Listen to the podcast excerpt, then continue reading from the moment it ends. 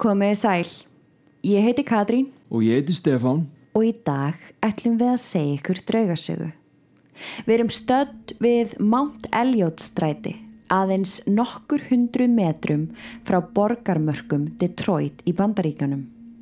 Fátæktin er mikil og ennþá í dag er talið að 50% barna búið við fátækt á þessu svæði. Þannig að þið getið rétt ímyndað ykkur hvernig staðan var árið 1839 þegar að sagan okkar byrjar. Þá var ekki til neitt sem hétt endurhæfing, félagsleg aðstóð, bætur eða eitthvað slíkt. En það var til stopnun. Verið velkomin í Eloise. Throughout my about eight and a half years of doing this stuff, I've seen what I would consider a ghost three times. And every time that I've seen it, it's always been a black, shadowy apparition.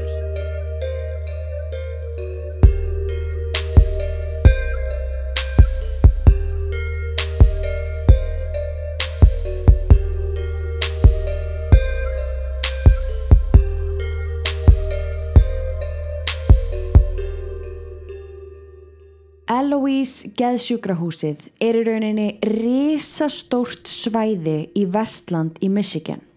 Það starfaði frá 1839 til snemma ársins 1982. Stopnunin byrjaði sem hús fyrir fátækt fólk. Nú eru þið vonandi búin að hlusta á fyrir sögur. Svona fátækra hæli voru vinsæl á þessum tíma. Hugmyndin var alltaf að smala saman öllum þeim sem pössuðu ekki inn í normið, saman í eitt hús. Hvort sem þú varst líkamlega veikur, andlega veikur eða bara áttir ekki pening fyrir mat, þá gastu fengið herbergi á fátækrahælinu. Áður en Eloise var byggt þá var annað hús inn í bænum sem sá um þessa starfsemi og þar byggu 142 einstaklingar. En það þótti ekki smart að hafa þetta ógæfi fólk innan um hilbreyða einstaklinga og því var brugðið á það ráð að byggja Eloise aðeins í burtu frá samfélaginu. Einangra fólkið aðeins betur. Þannig að yfirvöld ákveða að byggja mörg hús á afskektum stað á 900 hektara lóð. Þau byggðu ekki tvö eða þrjú hús, nei, þau byggðu 78 byggingar.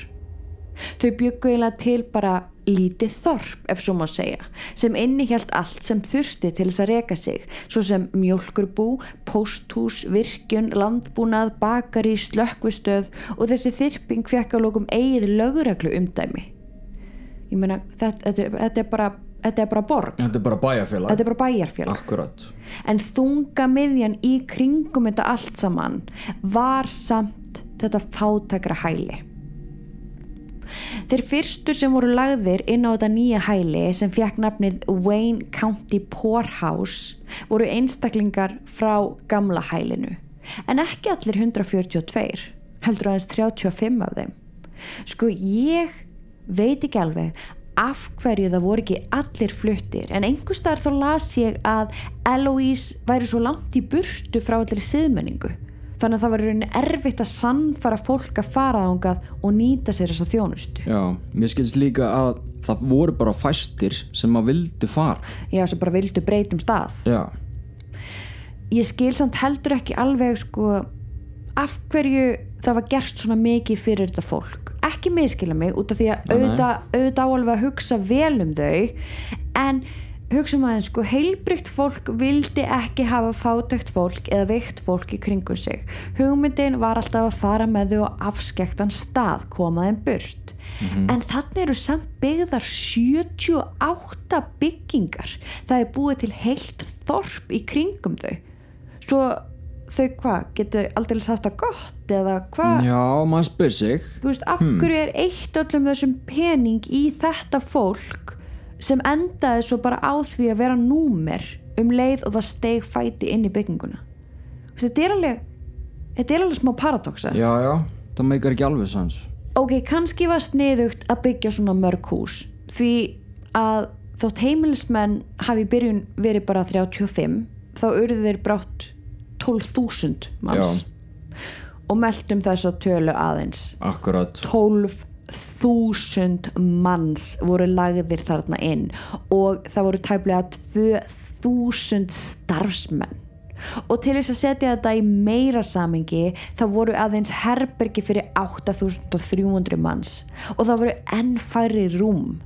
Þannig að margir þurfti að sofa á gólfinu já það eru virkilega til heimildir og bara myndir fyrir því að, rauninni að fólk fekk ekki rúm Já, já, þetta er í rauninni bara eins og fangelsi í gamla daga. Það er bara rúm út um allt, ofan á hvort annað. Þetta er í rauninni bara viðbjóður. Fólk fekk teppi og hart gólfi til að kvílast á það voru allt og margir sjúklingar glimtir, hunsaðir og læstir inni og þeir allra, allra erfiðustu voru hengdir upp í loft við veggin í hlöðunni og skildir eftir.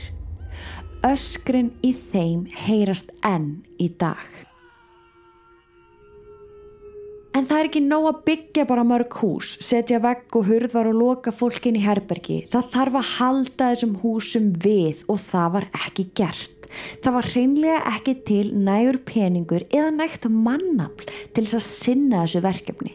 Læknar, hjúgrunafræðingar og annars starfsfólk var á fullu alla daga að taka á móti fólki og það var engin húsvörður eða ræsti tæknir starfandi í byggingunni eða byggingunum, þar voru svo margar. Já, já. þannig að tveimur árum setna var komin mikla í veggi gluggar byrjar að leka og rafmagni farið af sumum húsum.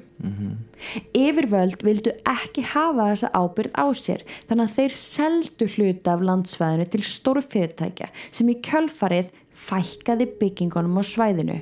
Þannig að svona í rauninni voru þeir bara ok, við erum hérna bara með fullt af húsum sem er orðin ónýtt við viljum ekki hafa það á okkur á okkar ábyrð Já, að já. fólk veikist eða slasist að nynni þannig að við skulum bara selja meiri hlutan fá pening og er henni bara svona losa okkur svolítið við þetta. Já, að því þarna bara er ógeðslega mikið fjármagn og frekar heldur en að láta það bara sitja og standa og rotna þá koma þarna, þú veist, railroads, lestakerfi sem að fljúa þarna í gegn. Þau bara, herði, við skulum bara reyðja þessi hús hérna í burt. Já. svo að þið getið kert hérna í gegn borgið okkur fullt af peningum Já. og minkið svona þess ábyrðin okkar. Já, í rauninni. Þetta var bara gert svona En með vaksandi fólksfjölgun í Detroit og í Michigan þá í rauninni kom nýtt og nýtt fólk Að sem þurfti að nýta sér þess að þjónustu. Og það var einfallega ekki nóg mikið plás nýja nóg margir starfsmenn til þess að sjá um þetta allt saman. Þannig að um leið og einstaklingur kom inn á hælið var honum gefið númer sem var nýja nafnið hans og einstaklingurinn var síðan læstur inn í herbergi þetta var auðveldasta leiðin og þetta var eina leiðin á þessum tíma. Auðvitað vildi starfsfólk ekkert hafa þetta svona. Nei, ég get ekki trúa því sko. þetta eru hjúgrunafræðingar þetta eru læknar, þetta er fólk sem vill annast fólk drauma staðan væri auðvitað að geta tekið á móti einstakling, skrániður nafn og aðstatendur, sína einstakling aðstöðun og útluta herbergi í kjölfarið. En það hefði tekið tíma tíma sem starfsfólk hafði ekki. Þannig að þetta var auðveldasta leiðin. Hér er númer, farðu hérna inn. Bless. Og hörðarna sem að þessi herbeggi voru að mm. Það var bara svona lítill gluggi á starfið post-it með það. Það var það eina sem að þannig að það var bara eins og fangelsi. Bara nákvæmlega þannig. En eins og þú segir, við viljum örgulega ekkit meina það að það hafi verið ásetningur um að hafi verið þú veist illt á völdum starfsfólk. Ekki allra allavega, nei, Nei, nei. einhverjir, já en, en nei, auðvitað held ég og vil halda, ég meina fólk sem vann þarna vildi gera gott akkurat en við vitum alveg hvað gerist þegar að svona stofnunir eru bara fjársveltar. Mm og ekkit eftirlit með Árið 1913 fekk Wayne County ofinberlega nafnið Eloise í höfuðið á dóttur fyrsta postmanns bæjarins og í kjölfarið var starfseminni og húsinu skipt upp í þrjár deildir. The Eloise Hospital sem var geðsjúkrahúsið. The Eloise Infirmary sem var fátakarahælið og The Eloise Sanatorium sem var Berklaspítalinn. Og þá byrja ballið. Það voru ekki gerðar neinar kröfur um hvað þyrti að vera að einstaklingnum til þess að hann yrði lagður inn.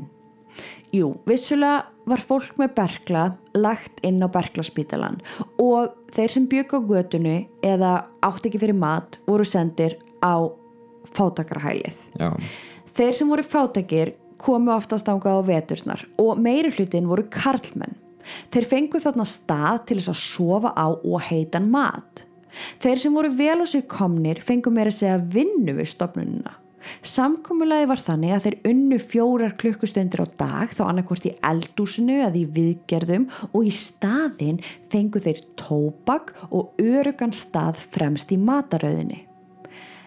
Sem var náttúrulega frábær dýl fyrir þá. Auðvitað. Að þeir fengu að vinna Já, og þeir fengu mat og húsaskjól. Ég myndi að bara, þetta var æðislegu dýl draumur en ég menna að það var greinlega ekkit viðhald í húsinu samt sem aðeins. Þeir gerðu það sem þeir gátt allavega. En hvað með geðspítalan sko það var hægt að leggja alla þangað inn eigimenn gáttu sendt konur sínar á stopnununa ef þar voru á breytingarskeiðinu því jú, konur á breytingarskeiði geta verið alls konar það er margt sem er að gerast í líkamannu sem getur gert að verkum að andlega hliðin er ekki upp á sitt besta og það þótti bara ekki í lægi mm og munið á þessum tíma réðu menn og því miður höfðu konur lítið um málun að segja. Mig langar að lesa hérna frétt sem ég fann. Ok, Þetta er frétt sem ég fann í gömlu dagblaði sem var gefið út í Detroit þarna í kringum 1913 Já. þegar þess að deildir opnuðu. Þessi frétt er náttúrulega á ennsku þannig ég ætla bara svona að þýðana létt yfir á íslensku. Ok. En sagt fyrirsögnin er að eiginkonan hafi flúið eða strókið af geðspítalanum. Ok, og hér eru við mann sem heitir James Van Ness og hann mætir fyrir dóm og hann segir bara hérna konan mín hún er geðveik og nú er hún bara hún er bara búin að flýja bara? Já, hún er bara búin að flýja af, af spítalunum og, og, og bara komin heim kannski? Og hún er bara komin heim og Ég- þetta bara er algjörlega óvið unnandi vegna þess að hann átti pening og hann var alveg tilbúin í að borga þessi gjöld -hmm. með því að hafa konuna sinna inni. Já, konan kemur síðan bara fyrir dóm og segir heyrðu fyrir ekki, það er ekkert að mér. Ég er ekkert geðveik, ég á ekki heima inn á þessari stopnun ég vil fara út. Ok, ég myndi líka segja reyndar ef ég væri gæðugur En ok, rétt, en hún segir ég hefði aldrei átt að vera send þannig in, the first place. Næ, ok. Um, þetta fór þannig að það var hlustað á konuna og, Ok. og, og maðurinn James Van Ness ákvað svona ok, ok þú mátt koma heim. Þú mátt koma heim eftir viku. Uh, ég skal hafa heimili tilbúið fyrir þig. Ok, uh, en ef eitthvað gerist að þá sendi ég þig aftur tilbaka. Já, já. Þetta er frétt. Vá, Ég skal setja screenshot af þessari frétt endilega. inn á draugasögu.com að því þetta er svo fáránlegt. hérna, og hvernig er framhaldið, veistu það? Leðið hamingjusum til ævilok Það stendur hérna sko After her escape from the asylum, she and her husband lived happily together for some time. Já, og það var semst hennar verkefni í rauninni að halda heimilinu góðu fyrir hann. Því anna, annars mynd hún verða aftur send á geðvegrahæli. ah, Þetta er bara frétt. Já, þannig, þannig að aðal einkenni hennar geðveiki var að taka ekki til Mögulega. Hversu fáránlegt Bara, he claimed that his wife is insane.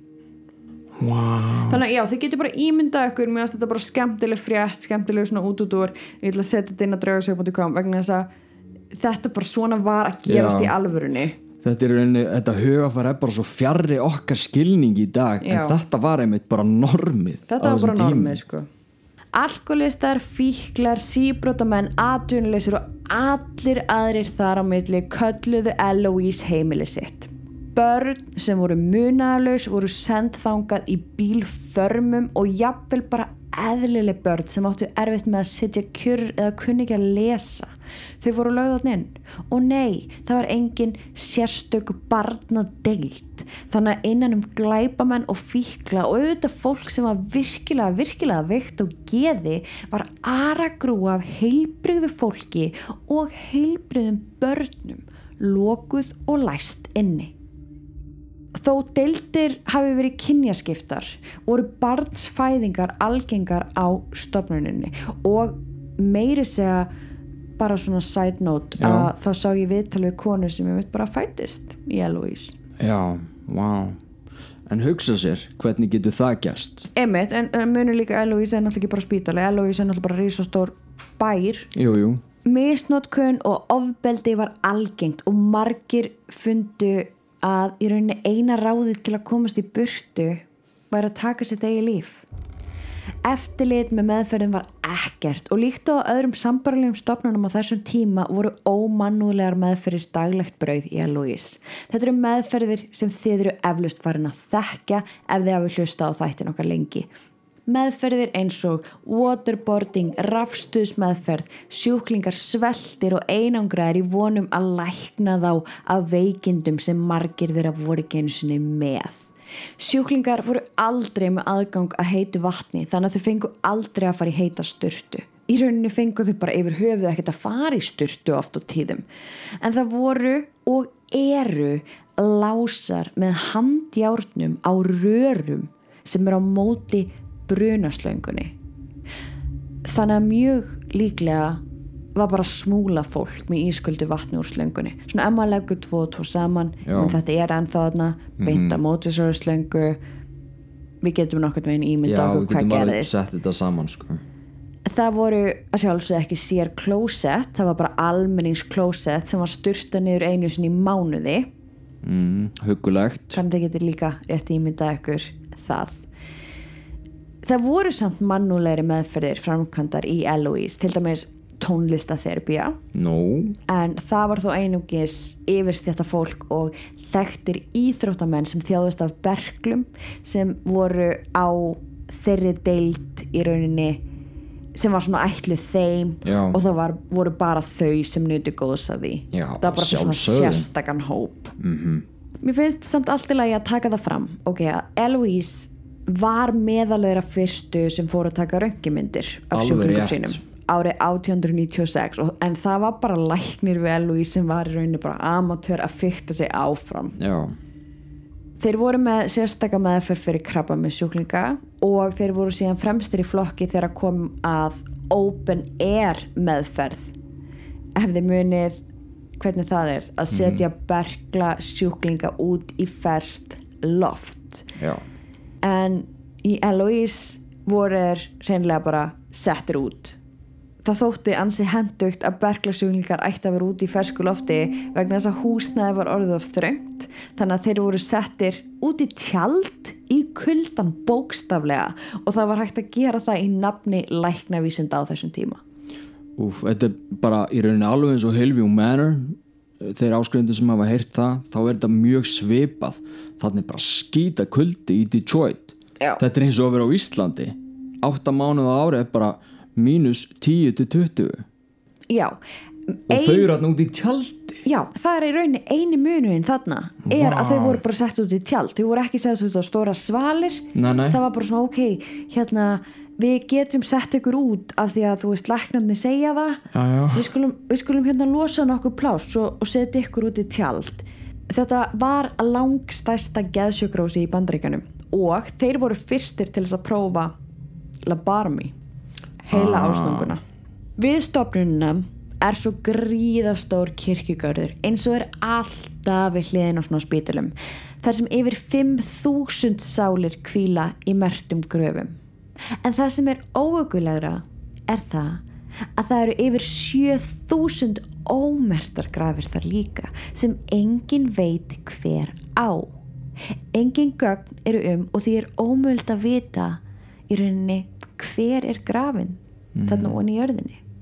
Bridget eða Biddy Hughes var fyrsta konan sem var lögð inn á geðsjúgrósi. Hún var þar í 53 ár. Sara Dómer var 18 ára. Hún var þarna inni í 7 mánuði og 13 daga. Annie Cohen, 32 ára. Þetta er allt saman alvöru fólk sem er með merta gröf í Eloise kirkjugarðinum. Frá árinu 1973 fór starfseminn hægt og rólega að minka og lokuðu deildir hver á fætur annari. Heilbreyðiskerfi batnaði, nýjir spítalar voru byggðir, velferðasvið barna var sett á lagnir og svo framvegis. Eloise var formlega lokað árið 1986. Já, tökum eftir því að 1986 er sko bara alls ekki langt í burtu frá okkur. Við vorum ennþá að koma svona fram með fólk til ásins 1986. Það er mjög svo skrítið að því að manni líður pínliti eins og þetta sé bara þjóðsæg og, það er- og það er einmitt fólk líka í Michigan og Detroit sem þegar það tala um þessa stofnun, fólk segir þú veist þetta er bara þetta er eins og þetta hafa aldrei gerst, þetta er eins og þjóðsaga en þetta gerðist Í dag eru aðeins fimm byggingar eftir og allt í kring er eiginlega bara gras. Það eru að vísu einhverju golfvellir og mögulega einhverja verslanir en ef maður skoðar húsið á Google Maps Já. þá sér maður þennan risa stóra múrsteins hlung sem er aðal byggingin og svo er gras og tré allt um kring. Í fangelsum, spítulum og geðsjúgrásum er mikil orka, alls konar orka frá alls konar fólki. Og þessi orka sest að í veggjum og gólfum húsins og Eloise er engin undantekning þar. Þetta er svolítið sagan um Eloise eins og hún leggur sig. En við vildum einhvern veginn kafa ennþá dýbra og við vorum það heppin að hafa samband við Jeff Allen hjá Detroit Paranormal og hann er einn af þeim sem eru búin að rannsaka þetta hús hvað mest. Hann ólst upp í þessu hverfið þarna. hvað er hann búin að rannsaka þetta hús lengi? Hann byrjaði fyrir tveimur árum síðan Ok. þegar að yfirvöld seldu þessa eignir allar -hmm. til verktaka -hmm. fyrir einn dollara. Af hverju fyrir 1 dollara? Þessi verktaki var bara með ákveðna svona væntingar og drauma til þess að endurbyggja þetta og gera þetta svolítið svona fínt fyrir aldraða og slíkt. Og mér finnst það í rauninni sína bara svolítið það sama högafar og var í byrjun. Við viljum ekki hafa þetta þið megið eigu þetta Já, þeir vilja, þeir vilja bara losna við þetta. En ég sá einhvern tíman ein- einmitt hérna þegar ég var að skoða eldgammal dagblað frá Detroit þá Já. sá ég einmitt frétta yfirlýsingu um það að já, þetta hefði verið keift á 1 dollar og þá hefði átt að og að það átti að breyta þessu í hótel. Akkurat. En þetta var hvað, 2018 Átján. það er 2020 núna. Það hefur ekkert gerst, það hefur ekkert breyst. Nei, ef við ekki bara að leifa ykkur að heyra þetta viðtal? Ég held að, að það geti enginn sagt þetta betur heldur en hann. Maðurinn sem hefur farið þarna hvað yfir 100 sinnum, yfir 200 sinnum hefur rannsakað þetta í þaula þannig að kíkjum bara aðeins til Detroit Well, happy to talk through that, and thank you guys so much for having me on here. This is great. I mean, uh, Todd and myself, co-founders of Detroit Paranormal Expeditions in Michigan, um, we love doing stuff like this. And Eloise is one of many places we've been to. So, Eloise in our area uh, is very well known. It was dates back to, uh, geez, I think the 1830s originally, and then it it grew to be a huge facility across around 900 acres. Um, today, there's only about five buildings left, and only two of them are in good repair. So the one that we were in was in D, was D building, constructed in 1931. Um, it housed uh, psychiatric patients on various floors. Um, lots of medical advancements happened there. So things like kidney dialysis um, was started at Eloise. So was the use of X-rays for diagnostic purposes. So a lot of advancements, but you know, medicine's a practice. Some things work and some things don't. And so a lot of people have to go through uh, bad things or had to go through bad things to sort of get to where we are. Yeah. Um, obviously, you got you know thousands of people in and out of there over the years. I mean, they're always bringing energy in, energy out, and um, I think that there's a lot left there today. You know, we were pretty uh, fortunate to get in there. Uh, we were the first paranormal team in there at any point, and um, you know, we were cleaning up the building. The building was in very bad shape when we got in there. You couldn't really walk through the hallways. We did tours. It took a lot of work, and I was in there alone by myself lots of times. Um, too many stories to count, but probably um, some of the the more profound ones, I guess. You know, when we first got in there, I think it was August 30th of, of uh, 2018, and um, we were setting up cameras to live stream, and I heard one of the loudest, clearest disembodied voices in the back of this room. I'm walking down the hallway, and it was a woman's voice, and it was just babbling, just complete gibberish for about four seconds, like no audible words. And Wow. I oh, when I walked back there and uh, turned the corner, there's just nobody in that room, and it was not mistakable. But um, so that was one one of many things that I heard. But some of the things I actually saw, um, you know, throughout my about eight and a half years of doing this stuff, I've seen what I would consider a ghost three times. And every time that I've seen it, it's always been a black, shadowy apparition. It's a, it's a sh- uh, shadow figure. So I've never actually personally seen one with a face and clothing, and you know that's a whole different Yeah, yeah, yeah. as to why some people see it and some don't. But one of them that I saw was at Eloise, and uh, we- wow. we did on a video clip. It's very, very subtle in the video clip, but you know, we were there and I'm panning the camera to the right, and uh, this black figure across the hallway walks right across the, the window into a room. And I saw it with my eyes and then looked back Wow. and there. So um, Eloise is uh, definitely a haunted place. Um, Yeah. Among the things that we found was uh, on the third floor, um, when you're walking up, sort of, uh, it's hard to describe if you haven't been there, sort of like the main stairwell everyone uses. And you go to the left, long hallway where they had isolation rooms Yeah. at the each hallway there's big rooms surrounded by windows and those were called day rooms. So they basically put the inmates in there to uh, get some sunlight without really going Yeah. outside. In 1942 i want to say it was reported that there was a there was a patient in there. He was strapped down to a bench like they would they basically was like a seated straitjacket kind of. And he kept kept uh, making audible like he's yelling and being very disruptive. And one of the guards went over there and punched him and broke his jaw well they uh, they took him out of there and he apparently got beat up um, further on the third floor and uh, a couple weeks later he actually died of internal injuries.